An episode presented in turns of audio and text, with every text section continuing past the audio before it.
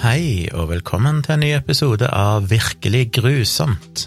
Og som vanlig så er det meg, Gunnar, og min kjære makker, Tone! som jeg knapt ser, for jeg har en stor skjerm her. Som, Ja, nå var det veldig mye i veien her. Nå var det både det ene og det andre. Nå følte jeg vi satt litt uh, hver vår sone av rommet nesten her. ja. Alt blir så mye bedre når vi flytter fra skikkelig studio. Ja, det skal bli digg, altså. Men i dag så skal vi jo fortelle en historie som eh, jeg tror sikkert mange av dere kjenner til. Det er ikke en sånn eh, veldig obskur historie, men det er jo en av mine favoritttyper historier som handler om fly. Ja. Så igjen, trigger warning. Er du flyskrekk, så kanskje skippe denne, så ikke vi gjør det verre for deg. ja, men sjansen er likevel ganske høy for at de som hører på, har hørt denne historien. Eller i hvert fall hørt om ulykken. Og som vanlig så er det en historie, selv om dere har hørt den, så håper vi at vi kan fortelle litt detaljer som dere kanskje ikke har, har fått med dere, hvis ikke dere har satt dere inn i det sjøl.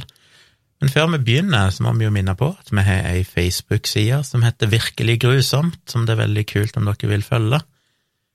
Og så har vi en mailadresse som heter virkeliggrusomt, at gmail.com, som dere kan sende inn tips til og sånn. Og der fikk vi vel faktisk tips om denne historien, selv om dette er en historie jeg har hatt i bakhodet lenge, så takk for tips. Eh, Det bekrefter vel kanskje bare at ok, la ikke ta denne historien, da, siden vi til og med har fått ønske om det fra en lytter.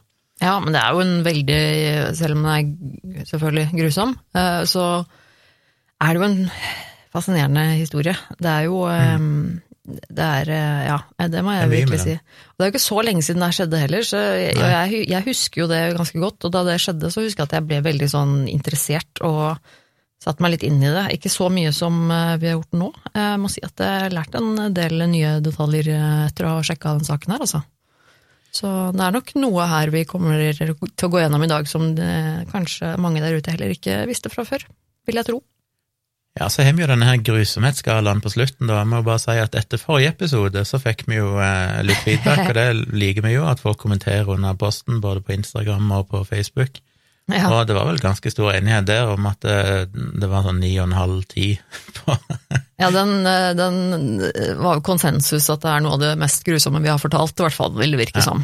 Og det, det kan man jo forstå. Men vi skal altså tilbake igjen noen veldig få år. Eh, la ikke begynne med starten på det grusomme, før vi hopper litt tilbake i tid.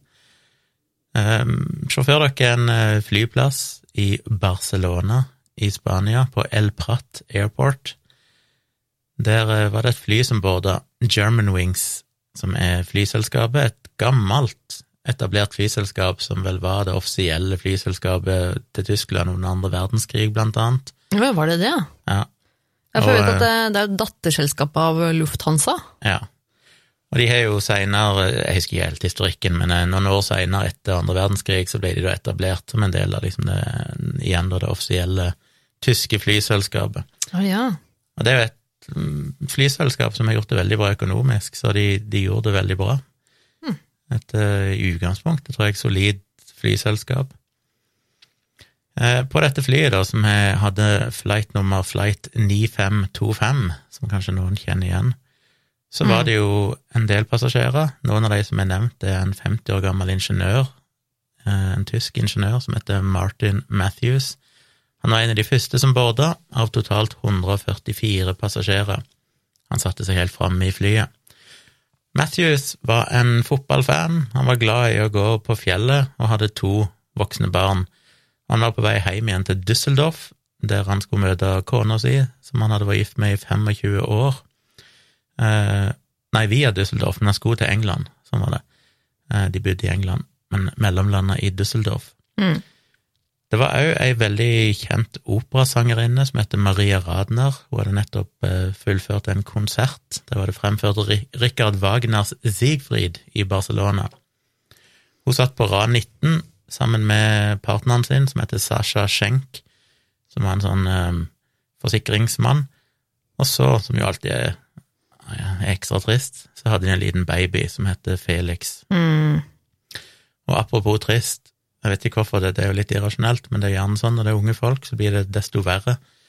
På flyet så var det jo 16 eh, videregående, eller elever fra videregående skole med to lærere fra en tysk by som heter Haltern am See, som hadde vært ei uke i Spania på sånn utviklingsprogram, og de hadde hatt det gøy og festa og alt mulig sånn, og de satt eh, egentlig fylt opp alle de bakerste radene. Blant annet var det ei 15 år gammel jente, det står high school student, men hun var bare 15 år, når begynner high school i uh, jeg trodde high school var videregående. Jeg, men... ja, tro, ja, det trodde jeg også. Anyway, hun er iallfall bare 15 år, da. Lea Druppel. Eh, og bestevenninna hennes og naboen hennes, Kaja Westermann, som også var 15. Dette flyet, som var et Airbus-fly, de var 26 minutter forsinka. De skulle ta av tidlig på morgenen, eller klokka 9.35. Eh, så de taxia mot eh, runway og tok av. Det var en ganske kort flytur, egentlig. Den skal vel ta hva er det, halvannen time, eller noe sånt? Ja, halv, et par timer, noe sånt. Det er, ganske, det er ikke så langt. Kapteinen på flyet ja, det teg, Når det tar av fra Spania, så flyger det utover Middelhavet først, før det liksom da går innover mot eh, destinasjonen. Tyskland, ja. Kapteinen heter Patrick Sondenheimer, som var en veldig erfaren flykaptein. Mer enn 6000 flytimer. Han beklaga for forsinkelsen og prøvde, sa at han skulle prøve å kjøre inn igjen litt av den tapte tida. Eh, og etter de hadde tatt av, så sier da kapteinen Sondenheimer og dette er jo sånne ting en har fra flight uh, Hva heter det, blackboxen, altså uh, Opptakene. Mm. Hva heter det på norsk? Står helt stille for meg. Ja, anyway, flight recorderen. Og da kan en høre at han sier at uh, du, jeg må kanskje en liten tur på, på do om ganske snart, for dette rakk jeg ikke gjøre før vi boarder. Og da sier assistenten hans, eller co-piloten, som heter Andreas Lubitz, sier ja, bare gå når som helst. Klokka 10.27, da hadde de vel fløyet i en halvtime cirka, da var de oppe på den høyden de skulle, 38 000 fot, og da begynte Sondenheimer å fortelle Lubitz at han skulle begynne å gjøre seg klar for landing, for det var bare en to timers flytur. Så de begynner tidlig å gjøre seg klar og gjøre alt klart at de skal lande igjen, for det er egentlig det neste som skjer på flyturen. Mm. Uh, sett forskjellige innstillinger og disse her flyflappene på vingene, og sjekke at uh, landingsunderstellet virker og alt mulig sånn. Og da svarte Lubitz en litt sånn kryptisk respons. Han sa, uh, eller etter at kapteinen hadde sagt at du skal gjøre klar for landing, så svarer han hopefully, altså forhåpentlig. Vi får se, sier han. Som jo er litt Det er litt spesielt å svare. Ja. Vi får se om det blir en landing. Og jeg tenker at eh, det er jo eh, Det er jo på en måte holdt jeg på å si, greit å si i en sånn spøkefull tone, liksom, hvis man har en litt sånn litt artig, humor, artig, humor seg imellom, liksom. Men jeg fikk litt inntrykk av at, var, at de var liksom ikke helt der. Eh, og det er flere også som har beskrevet det der med at, eh, med at i begynnelsen, da de begynte å jobbe sammen, disse to, så hadde, hadde han Andreas Lubitz vært veldig høflig og hyggelig. Men etter hvert da når de hadde kommet opp i luften, at han ble veldig sånn kortsvart. Altså veldig mm. sånn litt sånn eh, murt, på en måte, og, og, svarte på en litt annen måte. Men uh, altså litt uklart da, om uh, Sodenheimer, hans pilot, egentlig hadde lagt merke til det eller ikke. Det får vi nok aldri vite. Nei, Sondenheimer var jo en, en, del eldre og veldig erfaren, mens uh, Lubitz var jo ganske så ung. Så kommer jeg litt tilbake igjen til hans historie snart. Så det er klart det var vel en en maktforskjell, holdt jeg på å si, der Lubitz var ganske, mm. ganske amatør, holdt jeg på å si, i forhold til, til Sondenheimer. Han hadde vel Skal vi se, skal vi se på en annen artikkel her, men uh, Lubitz hadde vel ikke mer enn hva var det, 600 flytimer? Jeg tror det var 600, 600 timer, noe sånt noe, ja, rundt der. Ja. Så ikke veldig erfaren.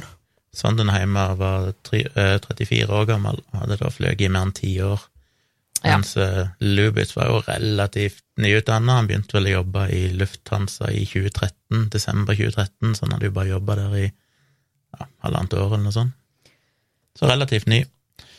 Og da er det jo sånn, da, at uh, Lubitz svarer og sier ja, forhåpentligvis. Og så Vi får se. Vi får se. Og så uh, tar hans makker, da, denne Sodenheimer, han uh, dytter tilbake stolen sin og reiser seg og går ut av cockpiten for å bruke toalettet, visstnok, da. Klokka var da halv elleve på morgenen etter litt over en halvtimes flytur. Før vi går videre til det som skjer etterpå, så må vi snakke litt om eh, denne her co-piloten. Er det co-pilot som er den formelle tittelen her? Andreas Gunther Lubitz. Gunther. Ble kalt for Andy, alltid ønska å fly. Eh, vokste opp i en liten by mellom Düsseldorf og Frankfurt i sørvest-Tyskland. Han var jo alltid en veldig flink elev på skolen, en veldig rolig, egentlig populær gutt, som det ikke var noe spesielt rart med. Han var veldig opptatt av flyging, hadde plakater av fly og alt mulig sånn over hele rommet sitt. Ja, det var ikke noe tvil om at han skulle bli pilot, i hvert fall. Nei. Og han, eh, i ganske ung alder, så ble han en flink eh, sånn eh, glideflypilot, og var mye, hver eneste helg så var han på en sånn pilotklubb eller flyklubb som han hang på. Mm. Så han skulle absolutt bli pilot. Så like etter at han var ferdig med high school i 2008, så søkte han om å komme inn på en sånn flyskole. Og der var han blant de fem prosentene av søkerne som faktisk kom inn. Så han starta ved Lufthansa Flight Training Pilot School i Bremen i Nord-Tyskland i eh, september 2008 sammen med 200 andre studenter. Og der skulle han da drive med flyteori i et år, før de ble sendt til en flyskole i Arizona i USA for å drive mer praktisk flytrening. Men etter bare et par måneder på denne skolen så kvitta han og reiste hjem, og to måneder etter det igjen så fikk han en diagnose fra en psykiater som var at han hadde en dypt depressiv episode Mm. med suicidale tanker, og han fikk intens psykoterapibehandling og medisinering eh, med kraftige antidepressiva. Og vi vet jo ikke hvem psykiateren var den dag i dag, fordi tysk lov ja, gjør det ulovlig å, å offentliggjøre. Men han mente at grunnen til at han hadde gått inn i en sånn depressiv periode, var at han hadde fått endra sine boforhold, at han hadde flytta ifra familien og til, denne, til Bremen for å gå på skolen, og det hadde vært en stor endring i livet hans. Mm. Eh, ikke være med familien og broren sin lenger. Det er jo ofte en, eh, en sånn type utløsende faktor. Da. Hvis man mm. har en, kanskje anlegg til å få depresjon eller noe sånt, så er det ofte en, sånn, en stor forandring eller endring som kan være vanskelig, og som ofte kan utløse sånne episoder. Så det er jo ikke helt usannsynlig, kan jeg tenke. Ifølge psykiateren så utvikler han jo en veldig sånn ja, en veldig frykt for å feile. Mm. Og i tillegg så hadde han visst òg tinnitus, altså at det pip, peip konstant i ørene hans, som visstnok ofte er et symptom som er assosiert med depresjon. Det også høres så sykt ubehagelig ut, altså. Ja. Så han fikk jo behandling i ni måneder, denne psykiateren, men i juli 2009, etter han hadde blitt behandla i seks måneder, så konstaterte psykiateren med at han hadde hatt en eh, veldig bra fremgang, og han hadde jo gjennom medisinering og behandling og sånn, så var han basically erklært for frisk, og psykiateren sendte et brev da til tyske flymyndigheter og sa at han kunne få lov å fortsette flyopplæringa si. Mm. Eh, han skrev jo da at eh, patient alert and mentally fully oriented with, with no retentivity or memory disorders. Mr. Lubitz completely recovered. There is no, there is not any residuum remained. The treatment has been finished. Men på tross av det så fortsatte han jo å behandle Lubitz i tre måneder til, med både medisinering og psykoterapi, Mm. selv om han altså hadde gitt beskjed tre måneder tidligere at uh, han var helt frisk igjen. Så det er jo litt rart, kanskje. Men det Ja. gikk noen måneder til før flymyndighetene godkjente at Lubitz kunne få tilbake pilotlisensen sin og eh, bli erklært fit, fit to fly. Men etter hvert så fikk han det. Men han fikk en sånn eh, notat på flypilot, eller pilotlisensen sin, som heter SIC Mm. Som står for eh, Specific Regular Examination.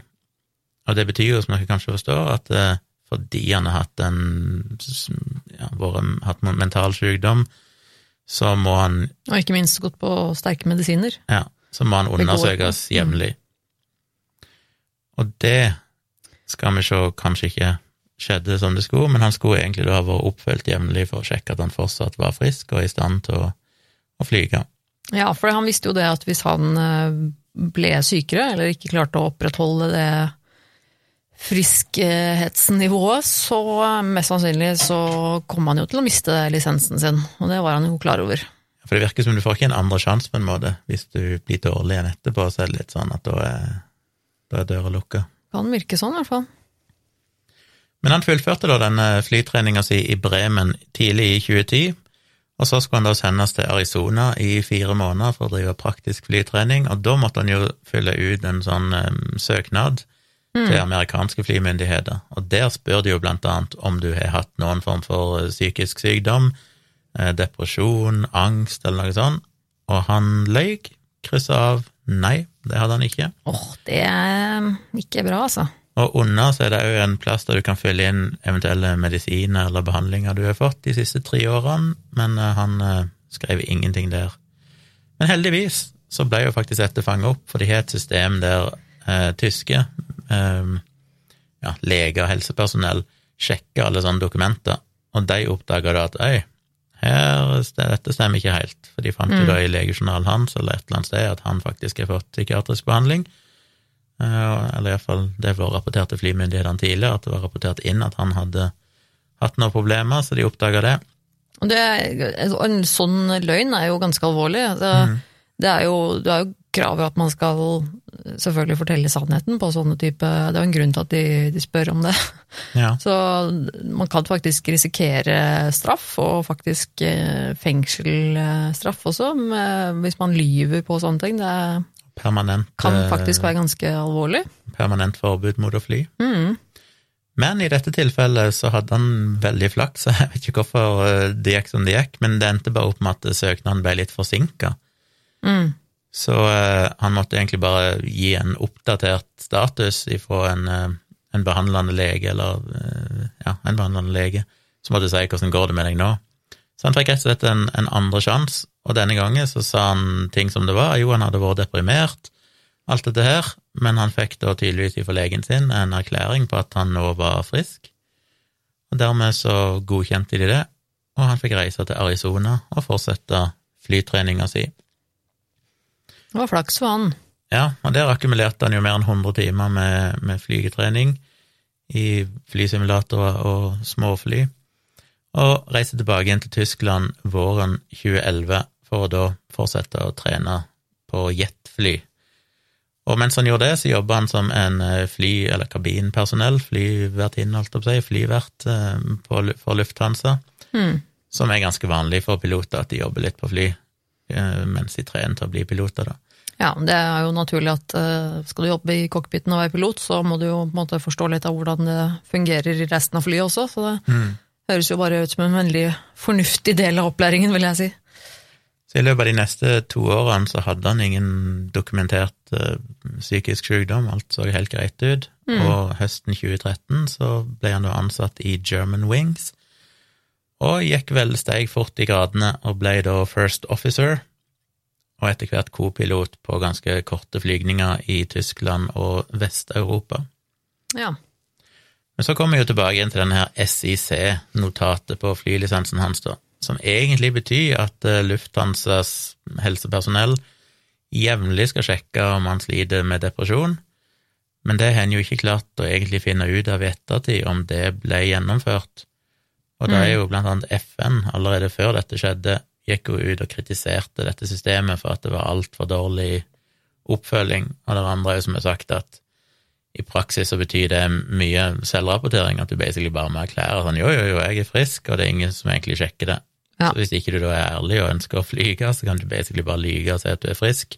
Jeg skjønner jo, så er det godt nok. Ja, ikke sant, for jeg, jeg skjønner jo fort det, da, når du er brukt, brukt masse tid og energi av livet ditt på å bli pilot, mm. og så vet du at hvis du sier ja, jeg sliter litt, liksom, så er du redd for at hele, hele jobben din går i dass. Skjønner jo at det er, kanskje det er eh, fort gjort å bare si nei da, det går bra.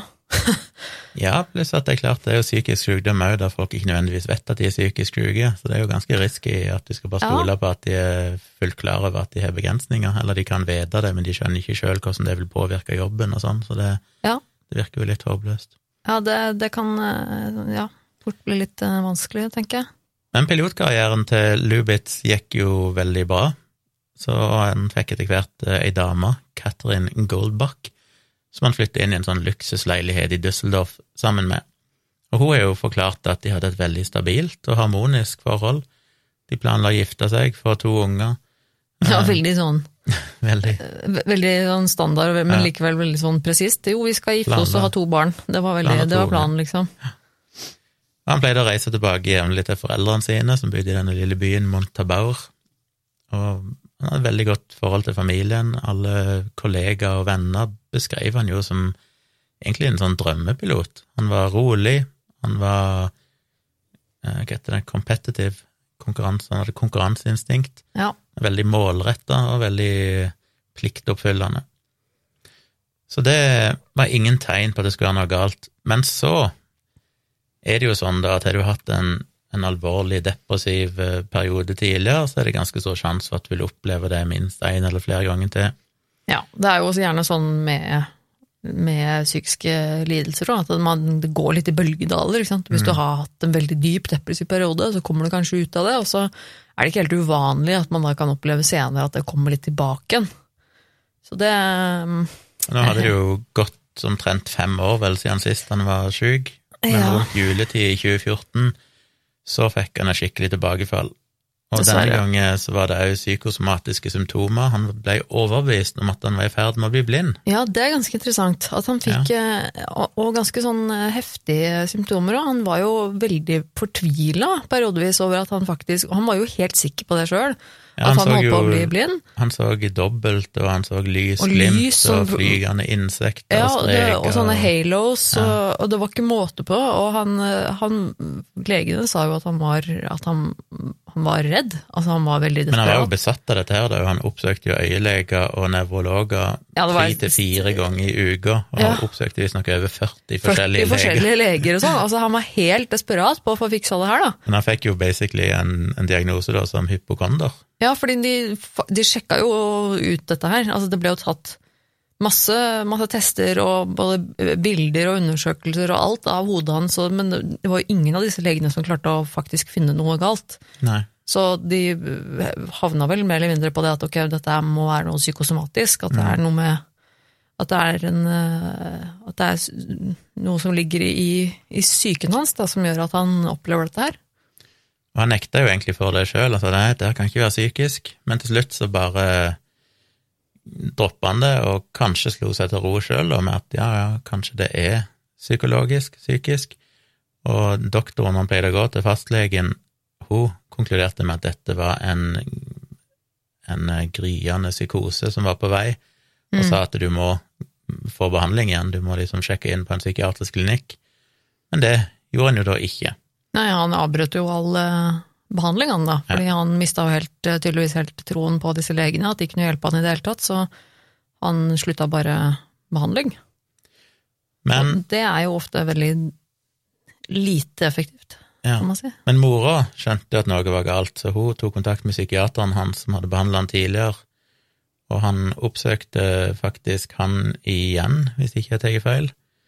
Eh, psykiateren skjønte iallfall at, han hadde, at Lubis åpenbart hadde fått en, et tilbakefall og Mm. blitt deprimert igjen, og han begynte da en ny behandling med psykoterapi.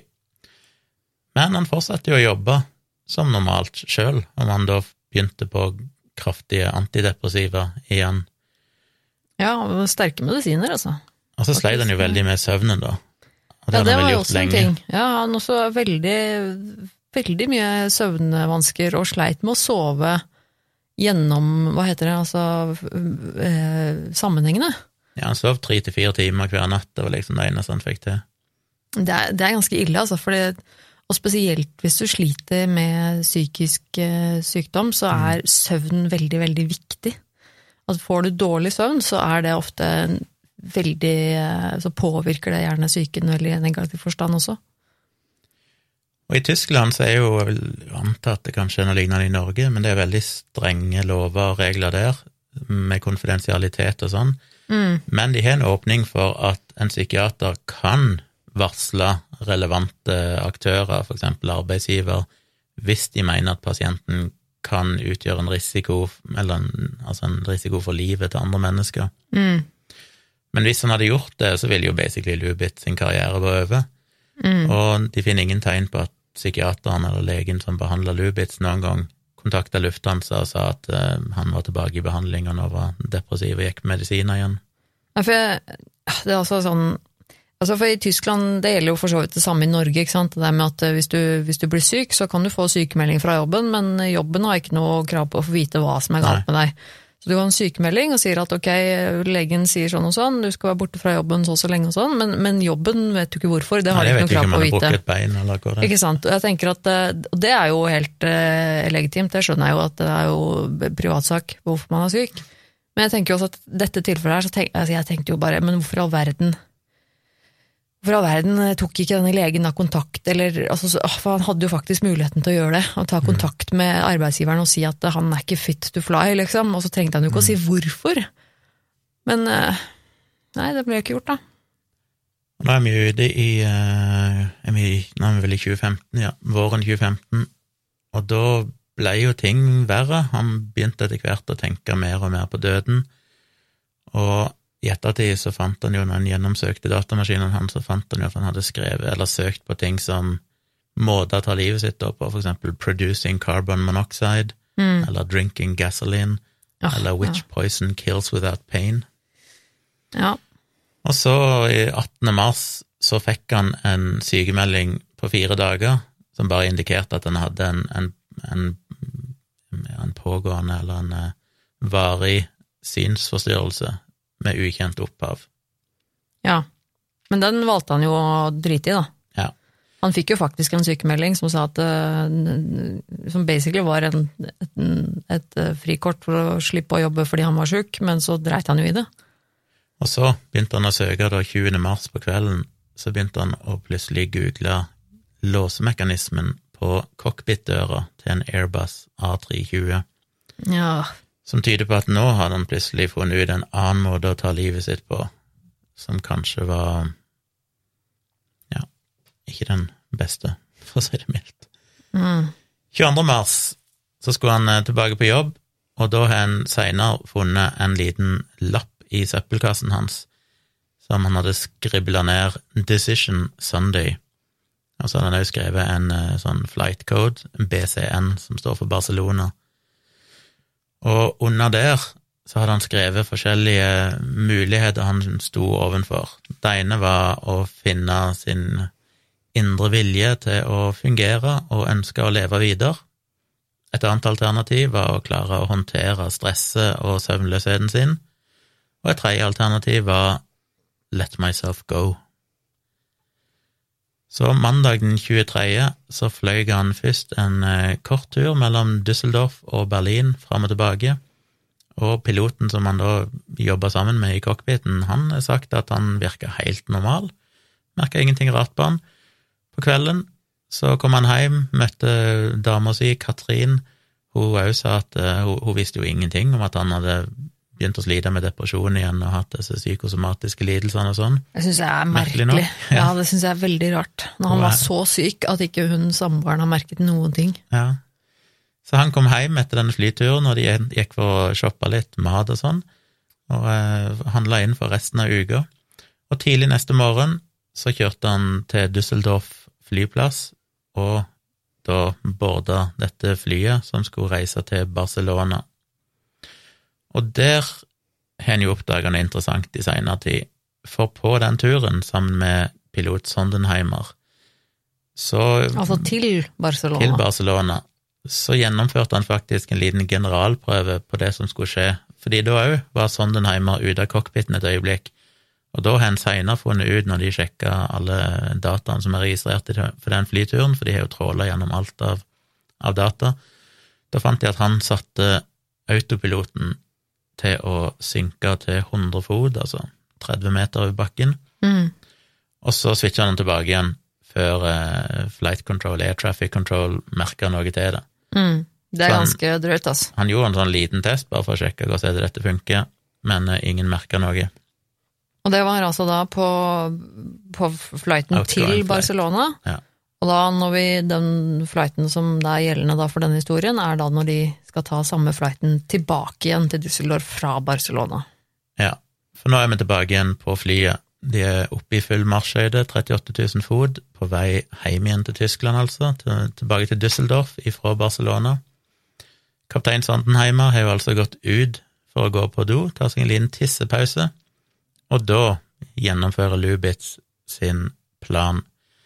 Han switcher døra til cockpiten over i låst modus, som du kan gjøre bare via en bryter som er på sida av setet, og det gjør jo at Sondenheimer da får Det ironiske her, syns jo jeg, er jo at dette ble innført etter 9-11. Mm. Dere husker kanskje det at etter 9-11, uh, dette flight uh, Hva veien var det? 93? Nei, en av disse flightene, det som styrte, der prøvde jo passasjerene å bryte seg inn i cockpiten Nei, der, terroristene brøt seg inn i cockpiten. Mm. Uh, og for å hindre at det skulle skje igjen, så ble jo alle cockpitdører forsterka og låst, så du må ha en kode for å komme deg inn igjen. Og de er jo forsterka, sånn du klarer basically ikke å slå hull i de med øks eller noen ting sånn. Mm. Så det er jo en kode på de, men den kan du jo da disable ifra inni cockpiten, altså du kan låse døra sånn at koden ikke virker lenger, og det gjorde jo da Lubitz. Så han hadde jo da effektivt utestengt sin eh, pilotkollega, kapteinkollega, Ja. fra cockpiten. Og var helt aleine der inne. Og da hadde han eh, faktisk ingen måte å komme seg inn igjen på, denne kapteinen, altså. Det er ganske, ganske drøyt. Og like etterpå så bøyde han seg fram og satte da autopiloten på 100 fot, som han da hadde øvd seg på tidligere. Så eh, bare ett minutt, eh, eller 10.31, ett minutt etter at eh, kapteinen hadde gått ut, så kryssa de over grensa til Frankrike, og så begynte flyet å synke. Og det sank med 3500 fot i minuttet, eller 58 fot i sekundet.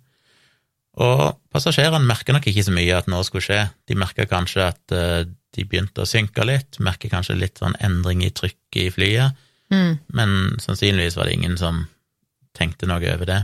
For når du er såpass høyt oppe uansett, da, så vil du jo ikke merke det med en gang flyet begynner å, å synke lite grann. Man er jo ofte er en vant med at du merker litt sånn trykkendringer, får litt sånn i ørene. Ja, altså var det jo Det han gjorde her, var jo også en, en såkalt kontrollert nedstigning, da. mm. Så det var ikke sånn at han på en måte styrte flyet rett ned, på en måte. Nei, det var jo autopiloten som bare ja, fikk så, beskjed Som om å basically da bare senker flyet gradvis mer og mer. Men franske flymyndigheter, nei, ikke myndigheter, air traffic controllers Vi må snart finne noen norske ord for det. Eh, Vi sier det hver gang, og husker aldri hva det er, eller vet aldri hva det heter på norsk. Flyveledere. Ja, det heter. Ja, det heter Flyveleder. når du jobber i disse tårnene, i hvert fall. De merka iallfall den endringen, for det var jo ikke en del av flygeplanen, så de tok kontakt med flyet for å sjekke at alt var i orden, men fikk ikke noe svar. Tre minutter seinere, altså 10.34, så var Sondenheimer ferdig på do, kom ut, skulle gå inn igjen i cockpiten, tasta inn låsekoden sin, men fikk access denied. Så han eh, ropte gjennom døra 'det er meg', og begynte å banke på. Og alle som jobba på flyet, disse flyvertene, de merka at noe var litt sånn rart, og merka at det ble litt sånn bråk der framme. Mm. Og han kan jo, han Lubitz inne i cockpiten kunne jo se kapteinen på utsida, for det er kameraoverføring, så du kan se hvem som står på utsida. Mm. Men ingen reaksjon ifra Lubitz. Og Sondenheimer ble jo selvfølgelig bekymra, og begynte å banke hardt på døra. Ja, han begynte skikkelig å hamre og mm. rope, og bare 'slipp meg inn, slipp meg inn', liksom. For guds skyld, åpne døra, ropte han. Han skjønner jo da at ok, nå er det jo et eller annet som er galt. Enten, altså, når han da velger, når Lubitz som sitter på innsiden da ikke åpner, når han har låst, låst kapteinen eh, ute, så er det jo enten at han har gjort det da med vilje, altså ikke vil slippe han ut, det har han jo gjort, da, men, at- men at det, da må det jo være det at han pønsker på noe, eller at han har besvimt der inne, da. Ikke sant? For at han har fått et illebefinnende på et eller annet vis. Sånn Alt kan jo ha skjedd. Ja, Ikke- for- man vet jo ingenting. men han vet jo bare at nå er det alvor, for nå kommer jeg jo ikke inn igjen i, i cockpiten her. Og nå har jo flyet sunket til 25 000 fot, og passasjerene begynte mest sannsynlig å merke at her var det noe på gang, for det nå sank flyet ganske fort, og det er jo unormalt så kort eh, stykke ut i turen. Å, fy faen, tenk deg det, da. Når du liksom Når du er på det flyet, og så merker du at flyet synker. At du merker at flyet går nedover, og du ser en av pilotene står og dunker på døra og roper for å komme inn. Å, fy fader, da skjønner jeg at folk begynner å få panikk, altså. Og det ble jo enda mer oppstyr, for eh, noen minutter seinere så ropte Sondenheimer til en av flyvertene og sa hei, kan du gi meg denne her eh, sånn brekkjern som de har gjemt bakerst i flyet? Var det ikke sånn øks? Ja, det sto crowbar. Ja, jeg jeg leste også et sted at det var en sånn øks, men ja, jeg hadde jo tenkt det var en øks, for jeg trodde det var det de hadde der, men eh, det sto Ja, jo på i hvert fall, ja. Så han tok den iallfall den og begynte å hamre i vei på døra for å prøve å bryte seg inn, men lyktes ikke med det. Nå var flyet nede på 10 000 fot, altså litt over 3000 meter, Uff. og de var jo nå over Alpene, så Mm. passasjerene begynte å se at oi, nå er det fjelltopper her som begynner å nærme seg, det kan ikke være helt normalt, og de begynte å bevege seg rundt i midtgangen og sånn. Så vet en òg at Lubitz inne i cockpiten hadde da plassert ei oksygenmaske over ansiktet sitt, og kapteinen ropte igjen 'open this fucking door'. Og da begynte jo virkelig passasjerene å merke at det her er det jo, altså det var jo knusing av dør og skriking der framme. Mm. Uh, ifølge alle data og lydopptak fra cockpiten så pusta Lubitz helt rolig der Mm. Klokka 10.40 så gikk det en alarm, og vi som har sett mange av de her eh, flyvideoene på YouTube, oh, vet ja. jo at den alarmen er jo identisk på alle fly. Terrain, terrain, pull up, pull up. Ja, det er den samme stemmen alltid. Og det, Ja. lik- jeg har hørt det så mange ganger når jeg er vekk, hva som skal skje da, så jeg får nesten frysninger oh, når jeg ja, hører den der. terrain, pull up. Terrain, terrain, oh. pull up, pull up. Og Den er høy, så kan ikke unngå å høre Ja. den. Uff. Og flyet var nå nede på 7000 fot, og så begynner da en annen alarm å hyle, bare sånn pinging, eh, for, å vise, for å advare om at nå begynner vi å komme faretårnet lågt. Og husk at selv om vi var oppe på 7000 fot, så er vi jo nå over fjell, som er ganske høye, som er jo nærmere bakken enn det en kanskje skulle tenke seg. Mm. Ett minutt seinere så eh, toucher den ene vingen til flyet bort i en fjellside. Ja, tenk det. Det er ganske drøyt, altså. Du sitter som passasjer og plutselig merker at vingen og krasjer. d- daler nedover, og så kjenner du liksom at hele flyet rister, og at den høyre vingen da skraper inn i et eh, fjell på siden. Å, fy fader, altså. Og sånn er det mest creepy, holdt jeg på å si, det er jo at de som har hørt på flight-opptak etterpå, kan jo da høre at passasjerer og alle skriker bak i Mm. flyet i frykt og terror. Og bare noen sekunder etterpå så krasjer flyet inn i fjellveggen med en fart på en sånn 700-800 km i timen. Da er det jo eh, ingen som overlevde, da, faktisk. Nei, det ville jo vært klin umulig. 150 Um, mennesker totalt da, som døde. Ja. Så begynte det jo å komme inn alarmer rundt om i Tyskland om at øy, noe har skjedd. Og hvis vi går tilbake igjen da, og Eller går litt fram og ser hva, hvordan var responsen på denne ulykka, for her er det jo klart etterlatte krevde svar. De krevde kompensasjon, og det var jo ganske rodete og komplekst i ettertid. Um, en av tingene er jo selvfølgelig at advokater som har jobba for familiene til de som døde, har jo mm, prøvd å kjøre gjennom saken om at dette er jo Lufthansa sin feil, og der har det jo vært mye diskusjoner. Umiddelbart så gikk jo egentlig Lufthansa ut og sa at alle familiene skulle få 50 000 euro hver, sånn rundt 1,5 million, som skulle dekke reiseutgifter for å kunne reise der de skulle begraves, eller reise til det stedet der krasjet skjedde, og dekke begravelseskostnader og alt mulig sånn. Og opprinnelig, i utgangspunktet, så virka jo representanter for Lufthansa som veldig, veldig lei seg, selvfølgelig genuint eh, sjokkerte og skamfulle over at det var en av deres egne ansatte som hadde ført til denne tragedien. Men så var det jo litt blanda signaler, for sjefen for Lufthansa, Karsten Spohr, han gikk vel ut i media og virka egentlig ganske sånn ignorant for hele greia og erklærte at Lubitz eh, han hadde vært 100 i stand til å flyge, og han så ingen grunn til å endre på noen av prosedyrene i flyselskapet. Mm. Eh, og så hadde han vel òg en talsmann for Lufthansa gikk ut og erklærte eller sa at eh, flyselskapet òg var et offer her, på samme måte som de døde passasjerene. Ja.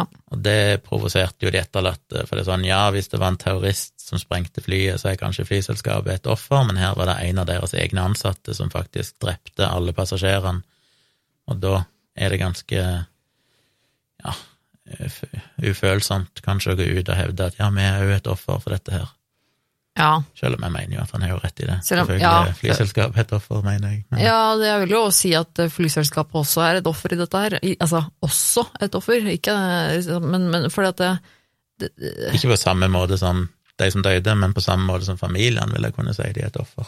Ja, for det er jo selvfølgelig en kjempeødeleggende for, eh, for selskapet, dette her. Både for selvfølgelig de som har mistet eh, venner og kollegaer, og, og, og, av de som jobbet om bord, men også selvfølgelig for, eh, for selskapets eh, rykte, holdt jeg på å si, og for, mm.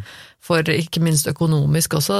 Fly, en flymaskin koster jo mange millioner, så Men det er jo på en måte jeg, jeg, jeg, skjønner jo, jeg, skjønner jo, jeg skjønner jo greia, men det er jo likevel sånn at du, du må jo Selv om han var ansvarlig for, for flyet og at han var ansatt og sånn, det er på en måte likevel om at du må jo gi de ansatte ansvar. Det ansvaret er jo det ansvaret de må ha for å fly det flyet, liksom. Så ja, det, det at han går ut og er helt rogue og bestemmer seg for å gjøre det, det har jo ikke flyselskapet noe med å gjøre, på en måte i direkte, og det har jo vært rettssaker i ettertid, og flyselskapet har blitt erklært uskyldige i den saken. Mm. Eh, ansvaret er blitt lagt fullt og helt på Lubitz. Ja. Samtidig så er det vel ingen tvil om at uh, de fulgte jo ikke opp de rutinene de kanskje burde ha fulgt. En burde jo hatt jevnlige kontroller. Så kan en alltid si at hvis det skulle være årlig kontroll, så hadde de kanskje uansett ikke fanga det opp, for det han, dette hadde jo ikke vært så lenge. Nei, det er jo umulig å si. Og så er det jo en en lov i Europa som sier at det er grenser for hvor mye erstatning du kan få ved flyulykker, flyulykke, fordi iallfall i Tyskland så er det noe som kalles for restrisiko, som basically sier at i det øyeblikket du kjøper en billett til et fly, så aksepterer du at det finnes en viss risiko. Mm. Og dermed så kan du så er det et øvre tak på hvor mye kompensasjon du faktisk kan få. Ja, sånn er. Så de fikk jo 50 000 opprinnelig, og så fikk de etter hvert 25 000 til for mm. å dekke ja, smerte og sorg etter det de hadde opplevd, og dekke litt mer av eh, utgifter de hadde. Og etter hvert så fikk vel òg advokatene presse gjennom at de fikk 10 000 euro oppå det igjen, som gikk til alle familie, hver eneste familiemedlem, mm. for å dekke tapet deres. Men de syns jo, mange av disse her mente jo at det var fortsatt altfor lite, fordi han, sjefen i Lufthansa han får jo sjøl ei årlig lønn på 2,74 millioner euro ja. Så de endte jo opp med å få en sånn 85 000 euro hver. Så det at han da, som på en måte satt med det øverste ansvaret for denne tragedien, høster nesten tre millioner i året i lønn for å kanskje ifølge deg da ikke ha gjort jobben sin skikkelig og sørga for at sånne ting ikke skal kunne skje. Jo, men likevel, det er jo ikke hans skyld at Andreas Lubitz eh, gjorde dette her, på en måte. Selvfølgelig ikke, det er jo ingen så, andre enn Lubitz sin skyld, men det er jo Jeg tenker jo at uh, sånn Det er jo litt som i Norge, da, etter uh, Utøya, så er det klart det er jo kun Breivik sin skyld, men norske myndigheter fikk jo mye kritikk fordi at uh, beredskapen ikke var på plass og sånn, og de kan fortsatt ja. jeg, men jeg ha et ansvar at, at det gikk så langt som det gjorde. Ja, ja, jo, selvfølgelig. Men jeg tenker jo likevel at i dette tilfellet her, da, med, med, dette flyet, at liksom det er vel egentlig litt begrensa hvor mye som burde vært annerledes. Eh, jeg vet ikke, altså det der Én ting er jo det med å De sjekkene og helsesjekkene og sånne ting, men det er jo som sagt Det, hadde de jo, men også Kanskje det er lett å lure seg unna og sånn, det er jo én ting, men det er jo vanskelig å unngå. Eh, men også dette med De hadde jo på en måte det på en måte hvordan skulle noen forutse det? Det er jo helt kjempeabsurd tragisk, egentlig, for de hadde jo da eh, forsterket cockpit-døren eh, som et tiltak mot at noen skulle bryte seg inn dit, fordi det akkurat hadde skjedd. da, ikke sant? Og så Nei. dette her etterpå, som på en måte da blir helt omvendt, at det faktisk er en av pilotene som låser sin kollega ute. Det var jo Man kan jo skjønne at det ikke var det første man tenker på at skulle skje, liksom. Eh, så jeg, skjønner jo at det er en eh, Så jeg, vet ikke om jeg hadde på en måte forventet at de skulle At det, at det skulle gjort noe annet, liksom.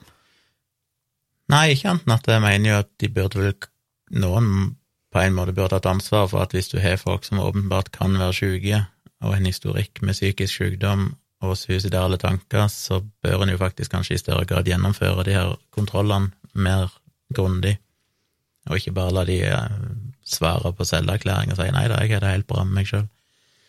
Ja. Men de ville jo òg kjøre en rettssak mot dette her flyskolen i, uh, i, USA, For det var egentlig der de hadde regna med å få mest erstatning. Der var det snakk om at de kunne fått mange millioner i erstatning. Fordi de mente at det var egentlig der den store glippen hadde skjedd. For på den flyskolen, der de faktisk får praktisk flytrening, så det, det er på mange måter den som skal fungere som en sånn gatekeeper for å luke ut de pilotene som ikke er i stand til å gjøre jobben sin. Mm. Og de er pålagt å stille spørsmål som ja, har du hatt psykisk sykdom? Hvis du var deprimert, var det en alvorlig eller mild depresjon? Ja. Når skjedde dette? Ble du behandla med, med medisiner? Har du noen gang hatt suicidale tanker? Mm. Og de visste jo at han hadde løyet om dette en gang. Ja. Han løy jo på det på den opprinnelige søknaden sin, Ja. men de reagerte ikke på det. Og tydeligvis fulgte de ikke opp med å sjekke han nøyere eller stille han de spørsmålene de er pålagt å stille han. Ja, det var tydeligvis i hvert fall dårlig oppfølging av det der, da. Men, det virke eh, som. Men det søksmålet mot USA, det kom ingen vei. Det ble basically bare sendt tilbake igjen til Europa og Mm. sagt at nei, dette er tysk ansvar. Så der kom det ingen vei, selv om det, noen vil argumentere for at det var USA, merkelig nok kanskje, som hadde det største ansvaret her. Eh, FAA, altså amerikanske flymyndigheter. Mm. Så ja, er det noe mer å, å si om dette? Det er jo litt drøfting i noen artikler her om hva er det egentlig som dreiv han til å gjøre dette? Jo, men det er jo også det med at det faktisk eh, familien til Andreas, i hvert fall faren til Andreas, har jo vært eh, veldig tydelig på at han ikke tror at Andreas Ja. gjorde dette her. Som virker litt absurd Som, som Jeg kan jo skjønne at man ikke har lyst til å tro Ja. det. ikke sant? Du, altså, at sønnen din skal tatt livet av seg på den måten, og tatt livet av 149 uskyldige mennesker, det er jo forferdelig. Og selvfølgelig har du ikke lyst til at, at sønnen din skal, skulle kunne ha gjort noe sånt, men, men det er liksom sånn vi har, Det er så mye beviser her, da. Både historien til Andreas Lubitz med, med hans sykdomshistorie, men også eh, de konkrete liksom, Google-søkene han hadde gjort. Han hadde jo mm. undersøkt eh, i flysimulator også hvordan dette her funka, og gjort liksom, prøver da, eh, på dette her. Og i tillegg så var det jo på en måte ingen andre som altså dette, det, det kunne på en måte ikke vært noe uhell. Det, det er på en måte helt usannsynlig at det skulle vært et uhell. Når han låser kollegaen sin ute, og mens han da sitter alene i cockpiten og setter inn alle disse manuelle innstillingene på at flyet går ned, så er man jo ganske klar på bevisene på at ok, vi vet ganske godt hva som skjedde her. Men likevel så er jo da faren hans uh, helt bestemt på at nei, dette gjorde ikke sønnen min. bare han mener jo besvimte av oksygenmangel eller et eller annet sånt. Ja, og han var jo helt også øh, helt mm, sikker på at nei, min sønn var ikke deprimert, han var ikke, ikke syk, og han var bare glad. Det er jo litt rart, for det mora henviste, sa jo til han at du Ja. må gå til behandling igjen, så mora visste jo åpenbart at uh... Ja, og jeg tenker jo at det jeg, jeg tenker jo at det er utrolig Det er bare utrolig tragisk og trist. Uh, selvfølgelig for foreldrene og, og det å kunne måtte ta inn over seg det her, men det er jo En ting er jo at liksom, barnet ditt tar livet av seg, men at barnet ditt altså gjør, gjør det på den måten. Jeg tenker sånn, det, det kan ha på en måte all Jeg kan ha all empati for mennesker som har det så vondt at de ikke ønsker å leve, men det er noe jeg virkelig på en måte ikke kan forstå. Det der med å, å ta med seg så mange uskyldige mennesker i din egen død. At det er sånn, jeg har bestemt meg for å dø, og så dreper du samtidig så mange andre mennesker på en så fæl måte. Ja, Om det er én eller flere, jeg mener det er jo ikke uvanlig. I Norge òg er det jo mange sånne saker med folk som tar livet sitt ved å krasje inn i andre på motorveien. Ja, og jeg, det er jo sånn helt uforståelig for meg, hvordan i all verden Men de jo blitt klassifisert, altså de vet jo ikke, og som han ene her sa, at eh, en har aldri kunnet intervjue noen som har begått et, et et hva heter det, murder-suicide, mm, naturlig nok fordi de er døde, så derfor har en jo egentlig veldig lite kunnskap om disse menneskene. mm, Eh, Men de mener vel kanskje at det beste beskrivelsen er det de kaller for en psykotisk depressiv person, som da bare rett og slett, som vel på mange måter går igjen i, i selv, altså det er vanskelig for folk generelt sett å forstå at noen kan ta livet sitt en gang, for det er vanskelig å forstå at du kan ha det så vondt ja, i deg at det er et bedre alternativ enn å leve videre. ja, Og hvis du kommer til et visst nivå av smerte, så tenker du bare ikke over at det er altså, Sannsynligvis så hadde, så, så hadde ikke han noe rasjonelle tanker om at dette kom til å gå ut over andre. Det virket, de var liksom bare helt ubetydelige for han, de som var passasjerer på flyet. Ja, og så, For jeg, jeg tenker på en måte sånn umiddelbart at liksom Ja, men eh, kan, kunne ikke bare tatt livet av deg på en måte da som ikke hadde gått ut over noen andre? ikke sant? Kunne ikke bare gjort det Han planla jo det først. Ja, han undersøkte jo- litt sånne andre metoder og sånn, ikke sant. Og så, så tenker jeg at det hadde jo selvfølgelig vært det mest sympatiske å gjøre. Ja. Altså ikke la det gå ut over andre. Men, men så dyppe, hvis jeg dypper liksom litt ned i det, så kan jeg på en måte skjønne at eh, han som da Han som pilot, da, det var jo det han likte best å gjøre.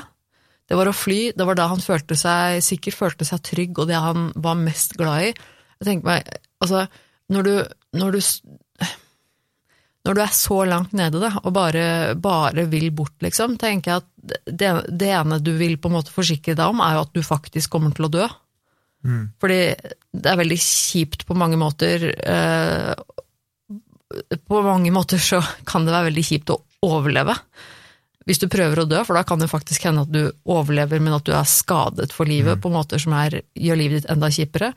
Men også det at du kanskje har lyst til å dø mens du gjør det beste du vet. Altså Bare den, den der litt sånn romantiseringen av den tanken der. Så, så kan jeg på en måte skjønne det på en måte, Ikke skjønne det fra mitt perspektiv, men fra hans perspektiv. da, At det er kanskje det, det han tenkte at jo, men det er den beste måten å gjøre det på, fordi der har jeg kontroll. Mm. Jeg vet hvordan jeg flyr, jeg kan fly et fly, jeg er pilot, det er det beste jeg vet å gjøre, jeg kan det, jeg føler meg i kontroll da, jeg vet hvordan jeg skal gjøre det, så jeg er sikker på at jeg dør.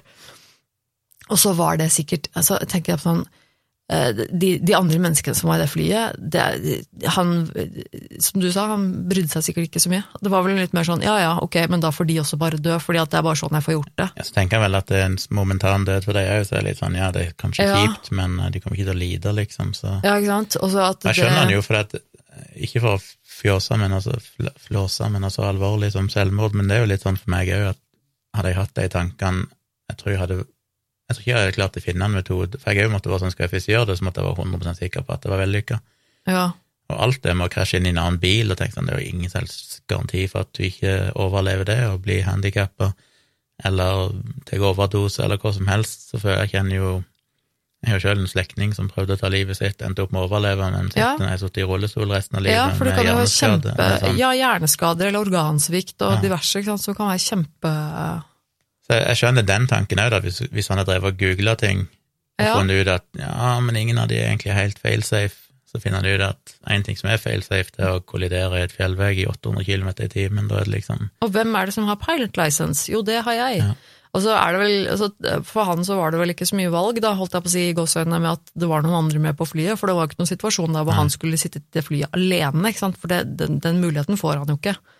Så da blir det vel Nei, det litt sånn at han da kanskje følte at nei, men da hadde han ikke noe valg, holdt jeg på å si. Da, da ble det litt sånn at eh, da var det den måten som var det beste å gjøre det på, kanskje.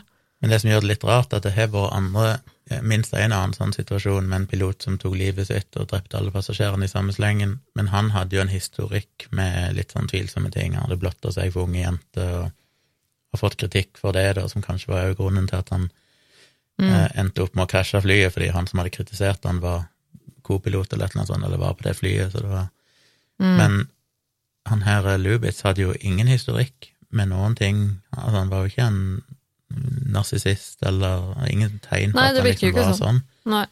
Så derfor så kommer det så ut av det blå på et vis, at han skulle finne på noe sånt. Men, men jeg, jeg syns jo også det virker veldig rart. Altså, jeg vil jo si Altså jeg, jeg tenker jo at eh, jeg tenker at det blir feil å på en måte si at eh, enhver person som er så syk at, og, og dårlig og har det så vondt at de bare vil dø, de driter i folk rundt seg. For, for det tror jeg heller ikke stemmer, på en måte. Altså sånn, I forhold til at jeg tror ikke Det er selvfølgelig vanskelig å si for, når man fortsatt eh, er i live, men jeg tenker at hvis jeg, hvis jeg skulle ha tatt livet av meg, så tror jeg ikke jeg hadde klart å gjøre det på en sånn måte at det hadde gått utover så mange mennesker. Det er i hvert fall det jeg liker å tro, da. Men selvfølgelig, er man så langt nede og så desperat, eh, kanskje, men, men likevel, jeg tenker sånn, nei, vet du hva, det hadde jo vært helt utenkelig å, å drepe så mange mennesker med meg, liksom. Mm. Men eh, nei, ja, det er Og som en siste liten ting, så eh, For dette var en ting jeg visste fra før, når jeg hørte det, og det var at etter dette skjedde, så ganske fort så innførte veldig mange flyselskap eh, frivillig en, en regel om at det alltid måtte være minst to personer i cockpiten, der en av de da var pilot. Ja. Og da, som det vil si at, eh, at hvis en av pilotene skulle ut av cockpiten, så måtte det da erstattes med et annen person i flight crew, da. Altså enten en flyvert eller, eller purser eller en eller annen person som da måtte komme inn og, og, og sitte i cockpiten. Og det høres jo fornuftig ut, for tenker sånn, ja, det er kanskje en lur regel å ha. Men fascinerende nok, og det ble vel også innført som et krav av europeiske flymyndigheter etter hvert, men eh, det var ikke så veldig lang tid etterpå, så fjernet de den regelen igjen. Ja, for den blir vel innført da etter den ulykken i 2015, og så fjernet de det igjen som et krav i 2017. Ja. Men det er fortsatt sånn at det var, det var vel noe sånt, de, de fjernet det som et krav, men at du fortsatt, eh, flyselskapene selv kan innføre det hvis de ønsker det. Ja, det er ikke noe eh, krav lenger, men du kan gjøre det, men istedenfor når de fjernet det kravet, så, så eh, ga de strenge retningslinjer eller strenge anbefalinger til flyselskapet om at de er nødt til å gjennomføre en sånn risikovurdering Ja. eh, for sitt eget selskap, da, finne ut om de trenger å ha denne her Mm. regelen. Men til og med German Wings da har ikke hatt den regelen siden 2017. Mm. Så det betyr vel kanskje at det ikke er noe krav om det nå. Nå kan du fortsatt sitte alene, så du kan oppleve det igjen. På den Ja, annen side håper en jo en har bedre screening nå enn det en hadde, at en Ja. skjerpa det. Ja, men, altså, men det også er jo en sånn ting som får meg til å tenke at ja, men da er det kanskje egentlig ikke noen måte å- som er bedre å gjøre det på. For altså, altså jeg tenker sånn, Hvis de da fant ut at, at dette var ikke et krav de kunne stille, at det på en måte da tydeligvis ikke var helt realistisk, eller at det eventuelt ikke gjorde sikkerheten noe høyere totalt sett eh, ved å sette inn det kravet, så var det vel egentlig heller ikke noe som Nei, hvis det var det som var grunnen, eller om det bare var praktisk, at det ble veldig komplekst. Jeg vet ikke, det må være grunnen på til at de flygninger der det er få som jobber. Jeg mener, tenk deg et Widerøe-fly med Ja, et par piloter og en som en flyvert, eller flycabin crew, så skal Ja. den ene personen da gå inn. ja, det er-. Jeg vet ikke om det er bare Nei, Gudene vet hvorfor de fjerner det, men det er for å fjerne igjen. Så på den annen side sett, tenker jeg statistisk sett, med alle millioner på millioner av flyavganger som er gått, og dette har basically skjedd et par ganger eller noe sånt Ja, det har skjedd noen flere ganger, men Malaysia Airlines også, som eh, vi fortsatt ikke vet egentlig hva som skjedde med. ja, det er sant. Som forsvant forsvant det var vel et fly i i Kenya òg, tror jeg, som, eh, som der piloten valgte å styrte, men jeg lurer på om det flyet var tomt, om han var alene på flyet. Husker Mm. ikke helt. Så det har vært noen sånne situasjoner, men igjen, det er jo det med risikoen for å oppleve det er jo ikke veldig høy. Nei, heldigvis. Det er jo fortsatt eh, Det å fly en flymaskin er jo eh, fortsatt eh, Er det ikke det tryggeste transportmiddelet vi har, sånn statistisk sett? Jo, jo, det finner ikke noe tryggere måte å reise Nei, det er vel ikke noe som er tryggere enn det, egentlig. I hvert fall foreløpig. Sånn at det er Og igjen, det er jo på en måte godt å vite at når det først skjer en ulykke, så er det som regel menneskelige feil. Ja. Det er ikke fordi at det flyet bare, motoren plutselig bare detter av, eller et eller annet sånt. Det skjer veldig sjelden at det fører til dødsulykke. Det er veldig ofte pilotfeil. Og hver gang noe sånt skjer, som jeg har sagt mange ganger før, så innfører de som regel bedre rutiner for å unngå det. da. Det er derfor vi kan begynne å glede oss til alle våre fremkomstmidler begynner å kjøre av seg selv. Og det gjør jo flyene allerede i veldig stor grad. Det er Ja. stort sett selvkjørende. Ja, faktisk. Det er jo sant. Flyet er jo stort sett eh, selv, selvflydd. Vil helst ikke at pilotene skal blande seg for mye inn, for det er bare å fucke opp alt. Ja. En dag blir det forhåpentligvis sånn på biler òg. Ja, det hadde vært deilig. Men det var dagens historie. Mm. German Wings, flight 9525, husker Ja. jeg det rett? Det er en uh, grusomt fascinerende fortelling. Uh, og vil bare sånn avslutningsvis angående psyken til den der fyren uh, som jeg var inne på tidligere. Det er fortsatt overraskende for meg at han lever i et samboerforhold med ei dame. Handler inn varer for resten av uka. Han vet han skal ta livet sitt den dagen. Hun vet ingenting om at han er psykosomatiske plager og er dypt depressiv og går på sterk medisinering. Er ingen som merker noen ting. Ja, Det akkurat det syns jeg er veldig Altså, én ting er det der på en måte at han eh, rett før han har bestemt seg for å gjøre det, at ikke hun vet det. Det kan jeg på en måte forstå at det er ikke alltid man skjønner det på noen. Men bare at han skal ha gått en lengre periode da med disse eh, synsforstyrrelsene sine og vært utrolig deprimert. Altså, hun bodde jo med henne i fire Altså, jeg måneder. men- mens han var sånn. Jeg mener, hvordan i all verden har hun ikke merket noe til det? Kanskje hun merka det, men ikke har innrømt det i ettertid, for det var følt skyld. Ja, eller kanskje hun altså. merka det, men at hun ikke trodde det var så alvorlig. Det kan godt hende, det. At han, at han liksom downplaya det litt for henne, holdt jeg på å si. At han Jeg vet ikke. Nei, jeg syns jeg syns også det er veldig rart at hun på en måte bare Men, men. Det Vi har brukt lang tid, så vi skal ikke bruke veldig lang tid på å rangere det på en grusomhetsskala, men uh, har du lyst til å prøve deg? mm, Jeg tenker jo eh, Åtte? Ja. Argumentet er vel at det var en rask og smertefull død, det var ikke noe tortur og Ja, grusomhet. men det er ganske tortur når du vet du kommer til å dø, når du ser at flyet styrter, Men han andre kapteinen står og dunker og vil Jo, jo, inn, og du vet at at det er kjempe... De får Men fikk det jo var panikk, det disse jo menneskene. her. i under ti minutter, det var åtte minutter eller noe sånt. Ja, det er lenge nok. Selvfølgelig er det lenge, men det, det er bedre enn å få øynene gravd ut fem dager før du til slutt dør. ja, jo, jo, jo. Men eh, så var det jo så mange mennesker som var helt uskyldige, og så var de på en måte ofre for dette ene mennesket som Mm. hadde bestemt seg for å dø. Det er jo ganske fælt i seg sjøl. Det er forferdelig, ja. Det er, igjen, det blir nesten umulig å arrangere det, men la ikke si åtte. Så får vi heller høre hva lytteren syns. Skriv det i kommentarfeltet på Facebook og Instagram og sånn. Ja, det er hyggelig og spennende å høre fra dere hva- hvordan dere tenker om saken, altså. For nye lyttere så har vi ikke noen Instagram-konto for podkasten, men jeg heter Civix, C-I-V-I-X, så følg meg gjerne på Instagram. Og Tone Haugen-konto? Yes, Tone Sabro. Det er det jeg heter i stort sett rundt omkring på alle sosiale plattformer. Ja, Så følg dere gjerne der, da deler vi jo episodene der òg, men òg på Facebook, da, på Virkelig grusomt podkast inne på Facebook-sida vår.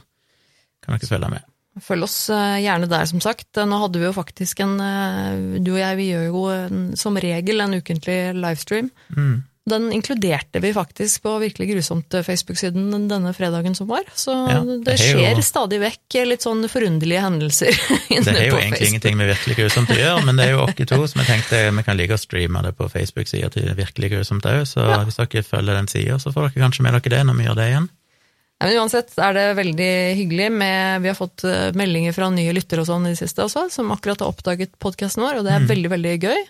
Så takk for det, og takk til alle som hører på, og spre gjerne ordet videre til eh, noen du kjenner. Gå inn på iTunes og gi oss eh, fem stjerner hvis du liker De heter ikke iTunes lenger nå, nå heter det bare Apple Podcast. Ja, og sånn. Eh, Det setter vi pris på uansett, i hvert fall. Så høres vi Ja, det betyr vel veldig mye. Dere har hørt det tusen ganger før i alle podkaster, men det betyr faktisk noe. Så, og det tar dere et halvt minutt, så vi setter veldig pris på om folk har lyst til å gå inn og gi dere fem stjerner inne på Apple Podcast eller andre plasser der du kan gi stjerner. Ja, for det gjør faktisk at eh, vi eh, syns litt bedre, og at ikke minst eh, annonsører som har lyst til å sette reklame i podkasten sine, de podcaster, de, eh, de kan få øynene opp for sånne litt mindre podcaster som oss, som gjør at vi igjen kan tjene litt grann penger på den jobben vi gjør med denne podkasten, og det setter vi jo pris på. Så for all del, vi setter alt pris på, pris på all deling av podkasten vår.